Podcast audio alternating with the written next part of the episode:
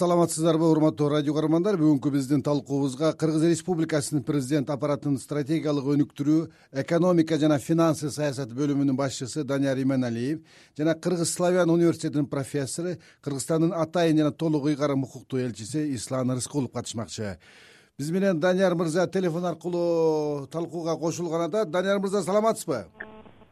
Саламатчылык менин биринчи суроом сизге да мына орус президенти э, владимир путин э, кыргызстанга мамлекет башчысы катары бул убакка чейин тогуз жолу келген экен. Мына онунчу жолу келатат деп биз күтүп атабыз. Мурдагыларга салыштырмалуу бул визитти мамлекеттик сапардын кандайдыр бир өзгөчөлүгү бир барбы? Эмнеси менен айырмаланат деп ойлойсуз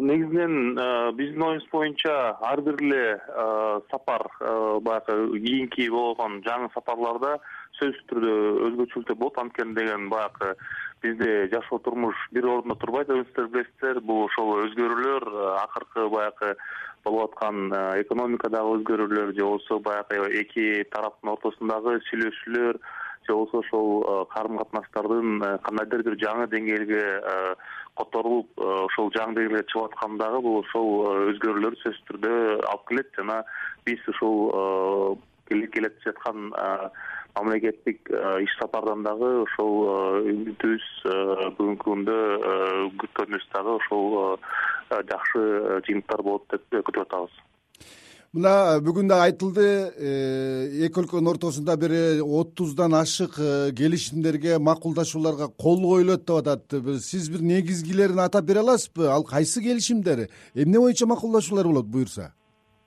Э, буюрса биз ушул эки баягы эки өлкөнүн ортосундагы бул негизинен баягы мамлекет э, аралык э, макулдашуулар э, андан кийинки бул ошол регион аралык өкмөт аралык келишимдер жана ведомстволук аралык келишимдерге биз айтып атабыз ошол келишимдер бүгүнкү күндө болот деп. Жана ошол эле маалда баягы биздин ошол иш чаранын алкагында дагы регион аралык э, конференция болот да өзүңүздөр билгендей. Ошол регион аралык конференциянын деңгээлинде ошол э, бизнес коомчулуктун өкүлдөрү дагы катышат. Ошол жерде болсо инвестициялык макулдашуулар жана меморандумдар күтүлүп атат ошол кол коюлат деп.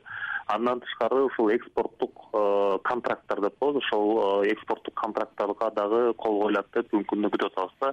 Жалпысынан алганда отузга чейинки бул ошол официалдуу баягы мамлекет аралык э, өкмөт аралык жана регион аралык документтерге кол коюлуу күтүлүп атат. Андан тышкары отуздан ашуун документтер бул ушул инвестициялык макулдашуулар жана биздин ошол экспорттук контракттар болуп эсептелет. Данияр мырза рахмат. Дагы биз менен байланышта болуп туруңуз сизге суроолорубуз болот. Э, ислам мырза мына э, кыргыз орус э, кызматташтыгын алып караганда өзгөчө мына экономикалык кызматташтыгыбызды сиз кандай баалайсыз? Бул убакка чейинки менен бүгүнкү динамикасын бир салыштырып бере аласызбы? Биздин темп кандай өзү?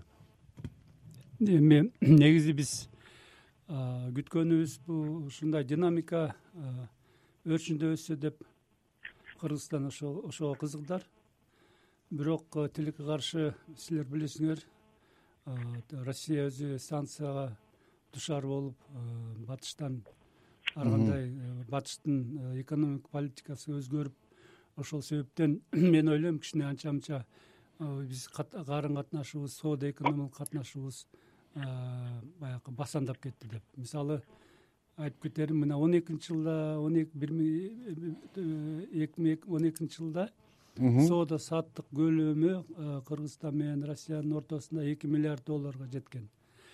А эки миң эки миң он үчүнчү жылы эки миллиард бир жүз миллионго жеткен азыркы убакта биз айтып атабыз бир жарым миллион депчи он сегизинчи жылы. Бир жарым миллиард. Бир жарым миллиард кечирип коюңуздар. И андан кийин ошол эми биз э, россия тарапта биз да тарапта умтулуп атабыз.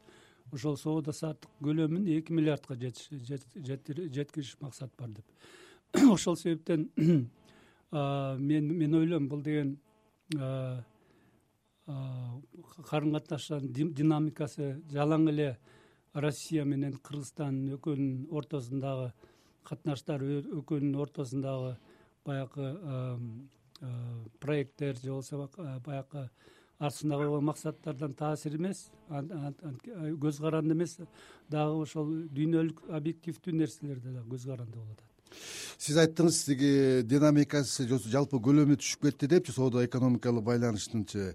Э, россияга болгон санкциядан башка дагы бир себептери болдубу же ошол санкция эле негизги себеппи мен ойлойм санкция бир негизги негизги себептердин бири депчи. Андан башка да бирок э, айтып кетиш керек негизи башка э, ошол мисалы крым болобу башка жак болобу сарпталган каражаттар дагы ошол жака кетип атат да. Мисалы Э, тиги э, турция аркылуу газ э, түтүктөрүн куруп жатышат. Ал дагы сарпталган акча каражат андан башка кытайга сила сибирь деген түтүктү газ түтүгүн куруусу уланып жатат. Ошол көп нерселерди проектилерди ишке ашырып атат да. Анан ошол себептен мүмкүн кыргызстан дагы мынчалык көңүл бурулган жокко деп ойлойм да. Анда биз э, ушул кыргыз орус э, байланышы анын ичинде экономикалык байланышына байланышкан э, биздин жогорку кеңештин депутаты акылбек жапаровдун да пикирин угуп көрсөк орустар менен мисалы ошол эле камбар ата бир менен. Уже бешинчи президенттин деңгээлинде буюрса курабыз дегенден башка сөз жок да. Ошондуктан убагында камбар ата экини өзүбүз кура баштаганбыз.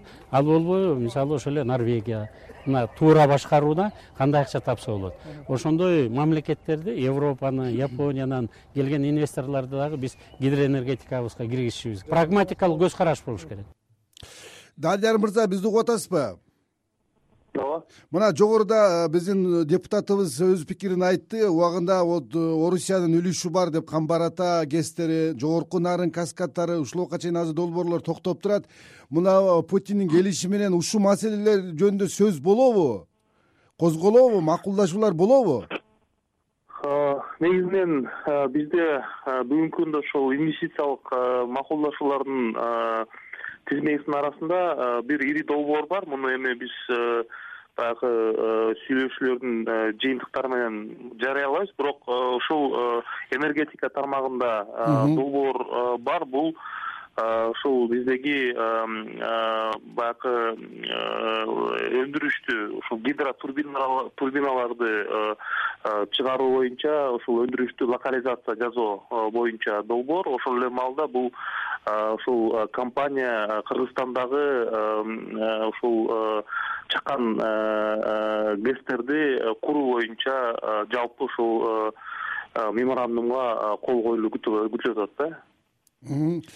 Рахмат дагы сурообуз болду ислам мырза. Негизи могу эме гидроэнергетика боюнча мен ушу айтып кетишим керек да эме көп жылдан бери проект э, талкуу болуп жатат проект каса миң ооба. Каса миң. Ошол боюнча э, мына орто азиядан э, чыгыш азияга электроэнергияны экспорттоо проектиси да. Мен өзүм пакистанда иштеп пакистанда иштеп жүрүп көргөм өз көзүм менен. Канчалык жетишпегендик бар ошол өлкөдө. Афганистанда өзүңөр билесиңер кандай жетишпегендик электроэнергия. Ошон үчүн мисалы жанагы проект боюнча азыр уже ишке ашып жатат ашууга уже келдик. Кыргызстан эки жүз отуз миллион сарптаса анда мисалы датка хужент могу эмесин зымын тартат беш жүз вольт. Ошол боюнча андан ары дагы эмнече тажикстан менен тажикстан аркылуу ошол чыгыш азияга кетет. Ошондо ойлоп көрсөңөр мисалы азыр тажикстан сангудан бүтсө үч бүтүн үч миң алты жүз мегаватт электроэнергия чыгара алат ошол мисалы рагунский гэсти россия менен чогуу бүттү. Ошентип гидроэнергетикасын куруп гидроэнергетикасынын потенциалын көбөйтүп жатат. Ошон үчүн биз да ошол тарапта барышыбыз керек. Кээ бир критиктер айтат. Эми баягы биз э, гидростанцияларды куруп анан кийин сатууга бир мамлекет сатууга рынок таппай калабыз деп. Ошол себептен мен айтайын мисалы азыр сүйлөшүүлөр өтүп жатканын билем жетимиш процент мисалы тажикстан ошол жанагы энергияны экспорттаса отуз процент кыргызстан деп ошондо так сүйлөшүп алыш керек да. Ошондо анан кийин биз ош инвестор болобу акылбек мырза айткандай биз деген баягы азыр концепция кабыл алды тышкы иштер министрлиги президент кол койду. Ошол концепция боюнча биз деген эң биринчи өзүбүздүн кызыкчылыгыбызды ойлошубуз керек. Жанагы көп векторлук политика деп коет. Ошол мисалы айткандай норвегия болобу же башка өлкөлөр болобу же россия болобу ошол багытта гидроэнергетика боюнча иштешибиз керек. Анткени реальный проект бар каса бир миң деген мына кыргыз э, орус кызматташтыгы дегенде акыркы учурларда коомчулукта э, данияр мырза угуп атасыз бизди ооба мына э, кыргыз темир жолу ишканасы акционердик коому андан кийин кыргыз нефти газ ишканасы мынабу россия тарапка өткөрүлөт экен керек болсо сатылат экен деген дагы бир маалыматтар чыгып кетип атпайбы. Мунун канчалык чындыгы бар. Эгерде болбосо анда э, ушул ишканалар менен э, россиянын ортосунда бир кызматташтыктын бир мындай үлүшү же болбосо мындай болжолдуу бир прогноздор барбы негизинен өзүңүздөр билесиздер бул э, э, россия э, тарап менен ушул биздин ички темир жол инфраструктурасын баягы жакшыртуу же болбосо өнүктүрүү боюнча буга чейин ушул сүйлөшүүлөр болуп бир нече жыл ушул э, ошол эле россия темир жолдору ишканасынын э, жетекчилери да келип кеткен кыргызстанга. Бул өкмөт менен жолугушуулар болду биздин транспорт министрлиги менен жолугушуулар болду. Жалпысынан ал жакта ошол инфраструктураны өнүктүрүү ошол эле маалда биздин ушул атайын темир жол баягы транспорттарын дагы баягы өнүктүрүү каралган да ал жерде ошол эле баягы тепловоз маселелери же болбосо вагондорду алуу анан ички каттамдарды өнүктүрүүгө окшогон маселелер каралган бүгүнкү күндө бул сөзсүз түрдө ошол россия тарап менен болгон сүйлөшүүлөрдө дагы бул маселе көтөрүлүп талкууланат. Анткени деген буга чейин баягы талкуулар жүргөн да анан ошол баягы келишимге токтой кетсек анда негизинен бул жерде ушул эч кандай баягы активдерди э, сатуу же болбосо башка жака өткөзүп берүү боюнча маселе турган жок. Бул жерде ошол э, баягы э, инфраструктураны баягы инвестиция кылуу жана өркүндөтүү маселеси. Анан эгерде ошол өзбекстан кыргызстан кытай темир жолун ала турган болсок анда бул жерде өзүңүздөр билесиздер ушул долбоорго катышкан өлкөлөр же болбосо тарап Э, тараптар э, аркылуу жүргүзүш керек. Анткени бул жерде ошол негизги ушул үч өлкөдөн өткөнгө байланыштуу үч өлкө катышыш керек. Бул долбоорго сөзсүз ошол эле маалда ушул башка тараптар дагы мисалга алсак ошол эле баягы россия эмес бул европа э, өлкөлөрүнүн инвесторлору болушу мүмкүн же болбосо азия өлкөлөрүнөн инвесторлор болушу мүмкүн. Ошол кызыктар болгон инвесторлорду ушул долбоорлорго тартуу боюнча дагы иш э, жүргүзүлүп атат да. Ошондуктан э, бул маселени айтсак болот ошол россия тарапы менен сүйлөшкөндө ошол россия тараптын дагы ушул өзбекстан кыргызстан кытай темир жолунда баягы катышуу э, мүмкүнчүлүгүн э, талкуулагандагы мындай сүйлөшүүлөр э, болот деп биз күтүп атабыз да. Данияр мырза мына бизге маалым болгондой россия тарап мурда бул кытай кыргызстан өзбекстан темир жолу боюнча кичине мындай орто жолдогу позицияны карманып келди эле. Калыс позицияны кээ бир учурда каршы чыккан учурлар да болуп калган. Э, акыркы учурларда мына россия макул болуп бул долбоорго катышабыз деп атат. Бул катышууга россиянын бир талабы барбы? Эмне э, кандай эме менен үлүш менен катышат? Кандай мүмкүнчүлүк менен катышат россия?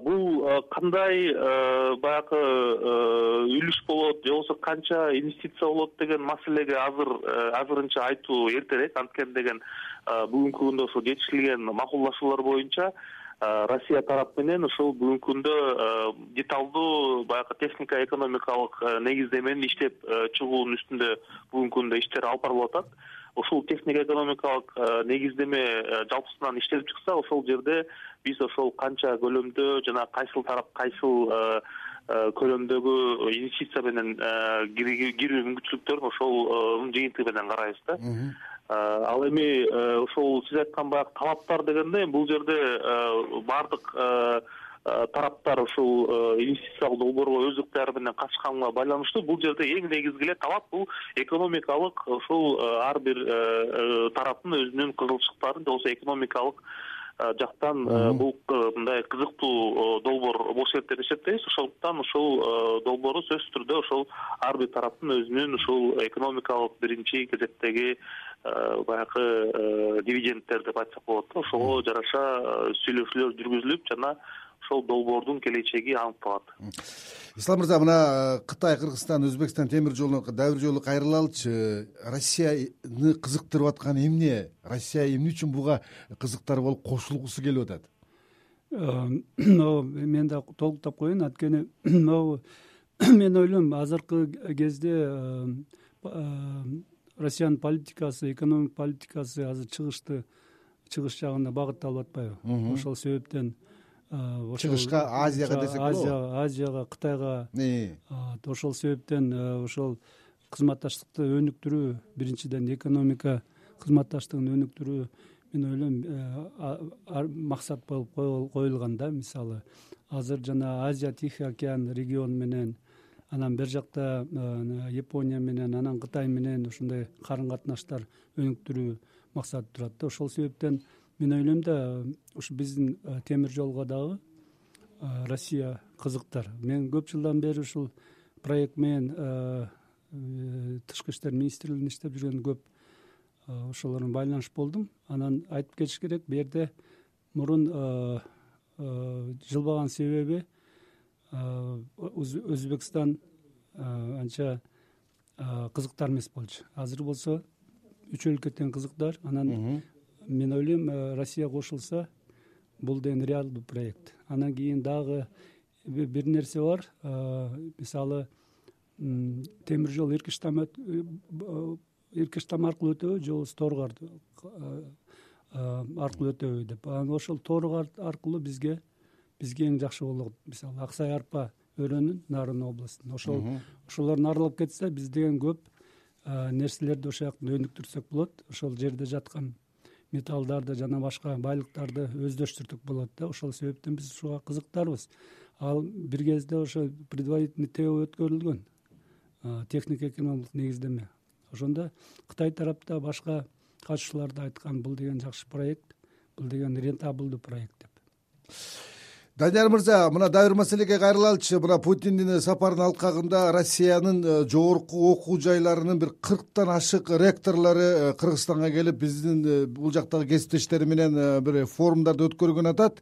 Бул форумдун бул иш чаралардын бир кызматташтыктын аркасында кандай макулдашуулар кандай бир перспективалар келечек бар деп ойлойсуз эми негизинен бул тармактагы бизде өзүңүздөр билесиздер кыркынчы жылга чейин стратегия кабылган ал жерде негизги ушул биздин баягы ресурстардын бири же болбосо ошо өнүгүүнүн баягы башарты болуп ушул баягы негизги фактор болуп отурган. Бул ушул адам капиталын өнүктүрүү коюп биз ушул баягы максатты койгонбуз да анан бул жаатта өзүңүздөр э, билгендей бизде ушул э, бизде дагы ошол э, вуздардын жогорку окуу жайлардын саны дагы өзүңүздөр билгендей мындай акыркы жылдары өзүнүн көрсөткүчтөрүн көрсөткөн. Бирок ошол эле маалда бүгүнкү күндө ошол еаэстин алкагында еаэптин алкагында негизги баягы темалардын бири бул ушул санарип технологияларды алдыга жылдыруу болуп эсептелет да.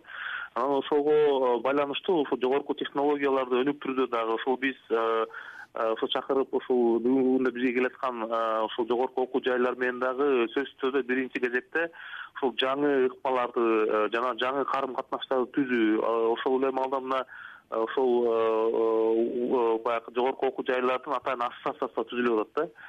Ошол э, карым катнаштарды күчөтүү менен ошол эле маалда ошол вуздардын э, ортосундагы э, баягы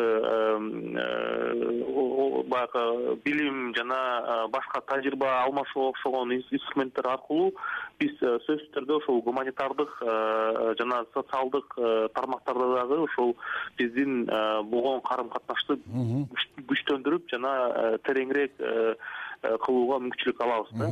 Анан э, бул э, негизги иш чара форум бул бизде ушул биринчи жолу болуп атат. Жана абдан чоң иш чара болуп берет деп ушул баягы форумга дагы күтүп атабыз да. Ушул рахмат. ректорлор кыркка жакын ректор келет. Рахмат.